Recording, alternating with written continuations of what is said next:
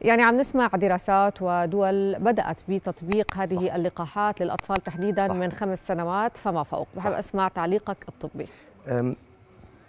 أي إجراء طبي دانا صاحب القرار في اتخاذ هذا الإجراء صاحب القرار بنحكي إما كحكومات أو كإحنا كأهالي نعم حتى نفكر أنه نقدم على هذا الإجراء أو لا بدنا نفكر في ثلاث محاور المحور الأول هل هذا الإجراء ضروري وفعال؟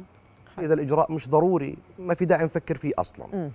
الشيء الثاني هل هذا الاجراء امن ولا غير امن والشيء الثالث هل هو قابل للتوفير يعني هل هو افوردبل نعم ممكن القيام فيه نعم خلينا نطبق هالثلاث محاور على الكورونا الشيء الاول هل هو ضروري اكثر الناس بيخافوا يطعموا الاطفال في المرحله بين 6 ل 12 سنه م. لانه بيحكوا انه الكورونا فيهم في العادي بيجي بسيط ضعيف زي حالة رشيح انفلونزا ما بيأثروا هذا الكلام صحيح نعم لكن في زوايا أخرى مهمة لازم نتفرج عليها الزاوية الأولى أنه صحيح هذا الفيروس بسيط لكن أحيانا بيكون له ارتدادات كثير سلبية صحيا على الطفل مثلا في الفترة الأخيرة سمعنا كثير عن متلازمة ما بعد الكورونا صحيح أنه هذا الشيء مش شائع لكنه هذا مرض خطير وسيء وقد يكون قاتل الشيء الثاني مشكلة الأطفال في كون أعراضهم بسيطة بتخليهم خزان حقيقي للفيروس مم. يعني هذا الطفل بروح على المدرسة نعم بيلتقط الفيروس بروح على البيت أعراضه جدا بسيطة ما حد بحس حاله مضطر يعمل فحص للطفل أو يعزل نفسه عنه بتخيلها صحيح. رشحة عادية صحيح. لكن هذا الطفل قادر فعلا أنه يجيب هذا الفيروس وينقله للأشخاص اللي موجودين في البيت اللي ممكن يكون فيهم كبار سن ممكن يكون فيهم أشخاص عندهم أمراض مزمنة نعم. وبالتالي يسبب مشاكل حقيقية نعم الفاقد التعليم الخطير اللي صار عند اطفالنا اخر سنتين نحن ما بدناش ندخل في تجربه الاونلاين صحيح. انه كانت ناجحه او غير ناجحه بغض النظر حتى في افضل تطبيقات اوجدت فاقد كان في فاقد تعليمي وهذا جدا مهم وهذا استثمار مهدور للاسف في اطفالنا صحيح.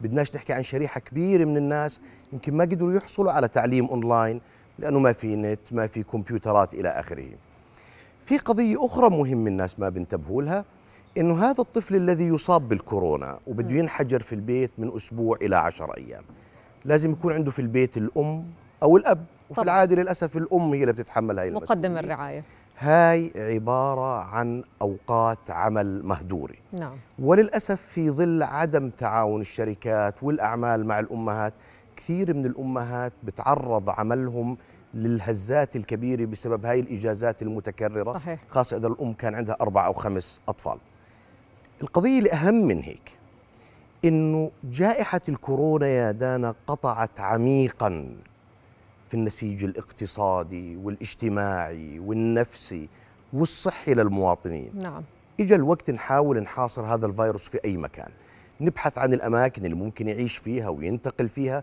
ونحاول نجففه في تلك الاماكن نعم. من اهم هاي الاماكن المدارس مم. لانه قدره الطالب او الطفل على اتخاذ الاجراءات الوقائيه نعم. زي الكمامه والتعقيم هي قدره محدوده الاطفال خاصه في المراحل العمريه صعب الاولى التحكم ما عندهم قدره يضبطوا ادائهم مم. ويتحكموا بانفعالاتهم او حركتهم بشكل جيد صحيح لاجل هيك لا هذا الشيء ضروري مم. اذا انتهينا من محور انه ضروري نعم المحور الاخر هل هو امن في الولايات المتحده الامريكيه لوحدها هناك اكثر من 10 ملايين طفل في هاي المجموعه العمريه مم. بين عمر الست سنوات و12 سنه تلقوا اللقاح نعم الاعراض الجانبيه كانت جدا بسيطه ومحصوره على اعراض موضعيه مكان اخذ اللقاح نعم احمرار في المنطقه وجع شويه خفيف. انتفاخ نعم. وجع خفيف وفي حالات نادره اعراض تشبه اعراض الانفلونزا فلذلك هو امن مم. الشيء الثالث هل هذا الشيء متوفر وممكن اني اقدمه لطفلي الى الان لم يتم اقرار استخدام المطعوم في هذه المرحله العمريه محليا عم نحكي لكن نتوقع انه في القريب انه يتم اقرار استعماله وبالتالي سيصبح متوفر واحنا طبعا بننصح كل الاهل لاجل هاي الاسباب الثلاثه اللي ذكرناها انه لا ضروري نعطي المطعوم لاطفالنا بين عمر 16 6 الى 12 سنه نعم طبعا الاطفال اللي فوق 12 سنه بكل تاكيد جزء لا باس فيه في الاردن هون اخذوا المطعوم تفضل اوريدي المطعوم مم. ب- بشكل عام انا بدي اركز على محور الامان وهو الذي يثير قلق الاهل صح يعني الكبار خايفين ياخذوا صح. والكبار كانوا يعني ضد ال- ال- ال- اللقاح بفئه كثير كبيره فكيف انا بدي اعرض ابني لهذا اللقاح اللي انا لسه مش هيك بيحكوا مش صح. عارف خيره من شره بالضبط. شو بتجاوبهم من جوهم بزاويتين الزاوية الأولى أنه إحنا ككبار كنا في البداية خايفين نأخذ اللقاح تخيلي مليارات الناس عبر العالم أخذوا اللقاح الآن صار لنا فترة كثير طويلة ماخذين اللقاحات الأشخاص الأوائل اللي أخذوا اللقاح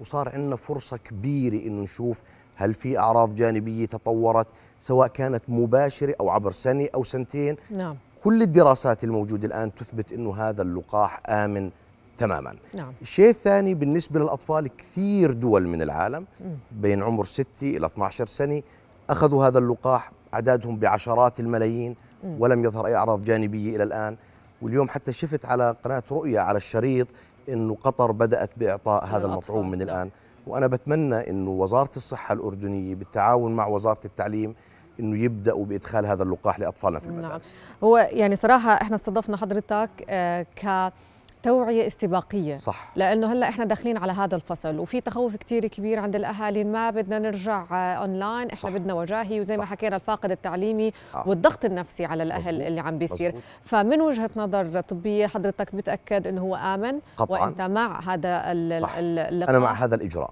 وخصوصا انت عم تحكي ما عم بيكون في عنا مضاعفات ما عم ما نسمع في بحسب مضاعف. الدراسات ابدا واحنا بنعمل ادفوكسي لهي اللقاح مم. يعني احنا بنتمنى انه يتم اقرار اللقاح لطلاب المدارس مم. دان انا طبيب اطفال مم. اذا بستعرض الخدمه اللي قدمها الطب للبشريه عبر القرون اهم خدمه تم تقديمها هي اللقاحات صحيح لا هي التطورات التكنولوجيه ولا الادويه المعقده مم. اللقاحات اتاحت للانسان انه يعيش فترات عمريه اطول مم. يعيش بحاله صحيه افضل نتجنب الكثير من الامراض والاعاقات الكورونا ما يزال في بداياته نعم صحيح انه الان عندنا المسك احنا ما بنعرف بعدين شو حيبلش يظهر عندنا صحيح ما هي تاثيرات الكورونا على مناعه اطفالنا على المدى الطويل نعم لازم نفكر في هذا الموضوع نعم فلذلك اللقاح هو حل الصحيح والحقيقي واللي اثبت فعاليته عبر العالم صحيح أيضا هناك محور مهم آه، تصلنا وتردنا العديد من الأسئلة فيما يتعلق بالمرأة المرضعة نعم. في حال تلقت اللقاح هل تستمر في الرضاعة الطبيعية؟ يعني للأسف أنا أتيح إلي من خلال تعاملي مع الأمهات بشكل يومي إني أشوف كثير من الأطفال اللي انحرموا من الرضاعة الطبيعية لأجل أساطير من نوع إنه إذا الأم أخذت اللقاح لازم تقعد يومين أو ثلاثة ما ما ترضع ترضع. منها مم.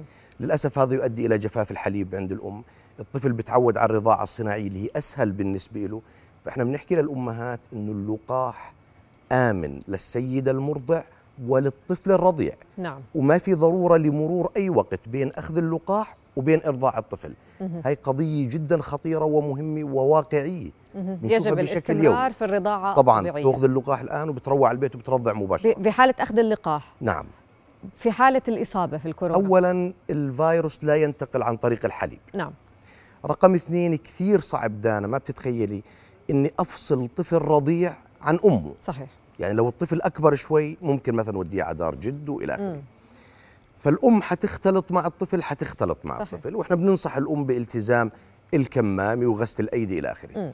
هذا الطفل على الارجح سيصاب بالكورونا مم. هلا احنا عندنا خيارين اما ان يصاب ل- بالكورونا بسبب امه ونترك هذا الطفل يواجه الموضوع لوحده واما انه يستمر بالرضاعه الطبيعيه ويحصل على المناعه اللي كونتها الام ضد هذا الفيروس نعم فاحنا بنفضل انه حتى الام المصابه بالكورونا ان تستمر بالرضاعه الطبيعيه نعم كان صراحة مهم نوضح آه، جدا هذه لانه النقطة. بنشوف مشاكل كثيره في هذا بالضبط. الموضوع ايضا فيما يتعلق بالبروتوكول العلاجي للاطفال نسمع عن مضادات حيويه نسمع نعم. عن فيتامينات آه، من تجربتك ايضا في التعامل مع العديد من الحالات شو بتنصحنا احكي آه، لك دانا احنا حكينا في البدايه انه الفيروس بحد ذاته في الاطفال هو مزعج ولكنه غير مقلق نعم يعني اعراضه تشبه اعراض الانفلونزا تشبه اعراض الرشوحات الى اخره ولذلك البروتوكول هو بروتوكول تحفظي تلطيفي مم. يعني احنا بنتعامل مع الاعراض حسب ظهورها نعم اذا الطفل عنده حراره بنعطي خافض حراره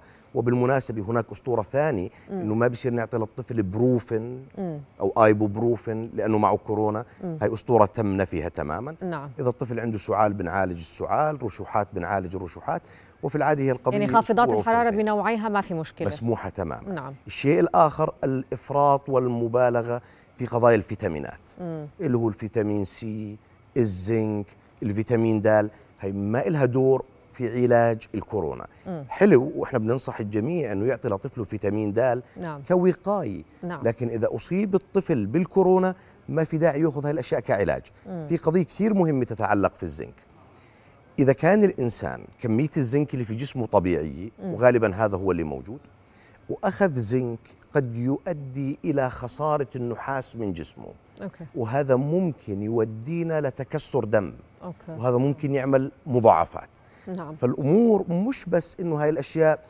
إذا ما نفعت ما بتضر مهم. في منها جوانب ضارة طبعا المضادات الحيوية طبعا ما لها أي علاقة في الكورونا لا يعني نكتفي- من قريب ولا من بعيد نكتفي بخافضات ال- الحراره خافضات الحرارة علاجات الرشوحات التركيز على السوائل نعم في العادي ما بنشوف الأهل بتغلبوا في الأطفال اللي معهم كورونا نعم وفي العادي احنا بنكتشف انه الطفل معه كورونا لانه واحد كبير في البيت صار عنده نعم وفحصنا باقي الافراد وطلع معهم كورونا مم. غالب الاطفال ما بيكون عندهم اعراض ابتداء وهذا بخلينا ما نقلق على اطفالنا لكن بخلي الطفل ناقل خطر لهذا نعم. الفيروس نعم لانه هذا الطفل بيمشي تحت الرادار صحيح فهو بيروح وما حدش خايف منه ممكن لكن- ينتقل لا- او ينقله لشخص آه، وممكن يكون عنده الطفل المضاعفات ما يكون الخطيرة. عنده اي اعراض ويستطيع نقل صح. الفيروس كمان صحيح طيب دكتور بدنا نستفيد من وجودك ورح نفتح المجال للاتصالات مباشرة آه، على الهواء في حال في عندكم أي استفسار اليوم عم نتحدث عن آه، فاعلية وأمان هذه اللقاحات للأطفال آه، في حال ستعطى لعمر المدرسة يعني من خمس سنوات فما فوق اليوم الدكتور فرات عم بأكد لنا وبيطمنا أنه هي هذه اللقاحات آمنة ويجب آه، أن تعطى إذا عندكم استفسارات هذه الأرقام بأسفل الشاشة ايضا في عندنا استفسار فيما يتعلق هل برايك ممكن ان تصبح هذه اللقاحات تحديدا للاطفال موسميه آه، متوقع كلقاح ال ال متوقع. ال الانفلونزا متوقع احنا ما بدنا نستبق الاحداث لكن الكورونا واضح تماما انه حيقعد معنا فتره لا باس فيها مم. ومتوقع بمرور الوقت ان يتحول الى فيروس موسمي نعم هلا بدنا نشوف الاشياء كيف حيصير لها انفولدنج مم. لكن ممكن انه في يوم من الايام يتحول هذا اللقاح الى لقاح موسمي في قضيتين مهمتين لازم نذكرهم هلا هذا اللقاح حكينا انه ضروري وامن ومتوفر هل هو فعال مم. يعني اذا مش فعال ليش اعطيه ليش لطفلي اخذه اعرض ابني لا وجدت الدراسات انه الاطفال عندهم القدره على تكوين اجسام مضاده مم. وبالتالي هو فعال في حمايه الطفل من الكورونا. الشيء الاخر اللي بنسمعه انه انا اخذت لقاحين كورونا واصبت بالكورونا. مم. هلا احنا ما بدنا نقول انه هذا اللقاح بيرفكت مم. او انه 100% ما في شيء دوائي او لقاحي او الى اخره فعال بنسبه 100% لكن هو فرصتنا الافضل صحيح الموجوده الان المتواجد فاذا بين استطعت انك تقدم لطفلك هذا الشيء انا بنصح الجميع انهم يقدموا على هاي الخطوه صحيح معنا اتصال من علياء يسعد صباحك علياء كيف حالك